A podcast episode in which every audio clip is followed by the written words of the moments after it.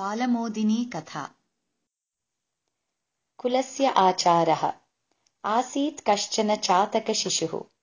कदाचित् सः महत्या तृषया पीडितः अभवत्। सः मातुः समीपं गत्वा अवदत्। अम्बा अहं तटाकजलं पातुमिच्छामि इति। वत्स अस्मत्कुलीयाः तटाकजलं न पिबन्ति। मेघजलपायिनः वयम् एषा अस्माकं कुलस्य आचारः। अतः तटाकजलं न पातव्यम् इति अबोधयत् माता। अम्बा पिपासा तु महति। वृष्टिः कदा भवेत् इति न ज्ञायते। आकाशे मेघाः न दृश्यन्ते। गङ्गाजलं पवित्रम् इति मया श्रुतम्। अतः अहं गङ्गाजलं पास्यामि इति अवदत् चातकशिशुः। तदा माता अवदत् नैव वत्स गङ्गाजलम् अपि न पातव्यम्। कुलाचारः न कदापि परित्यक्तव्यः इति। तथापि पिपासां सोढुम् अशक्नुवन् चातकपुत्रः गङ्गानदीं प्रति उड्डयनम् अकरोतेव। गङ्गानदी आसीत् सुदूरे।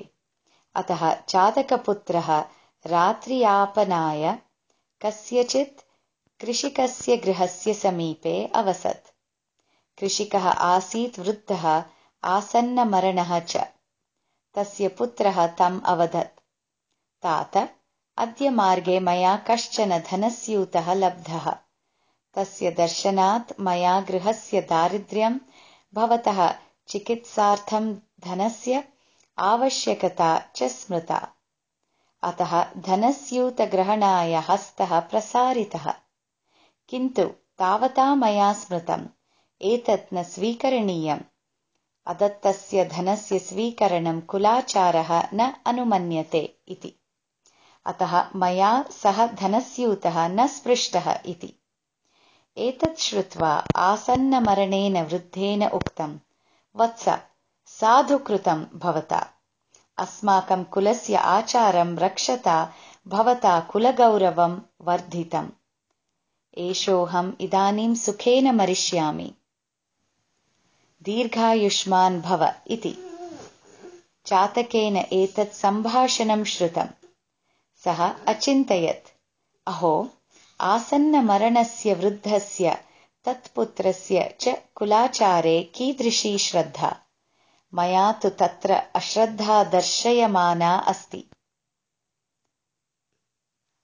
मेघजलम् एव पातव्यम् इत्येषः आचारः धिक्कृतः मया अनुचितम् एतत्।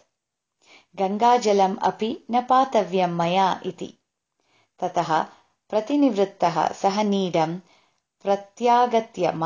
सर्वम् अवदत्।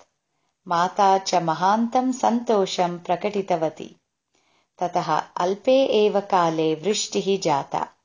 चातकस्य अपगता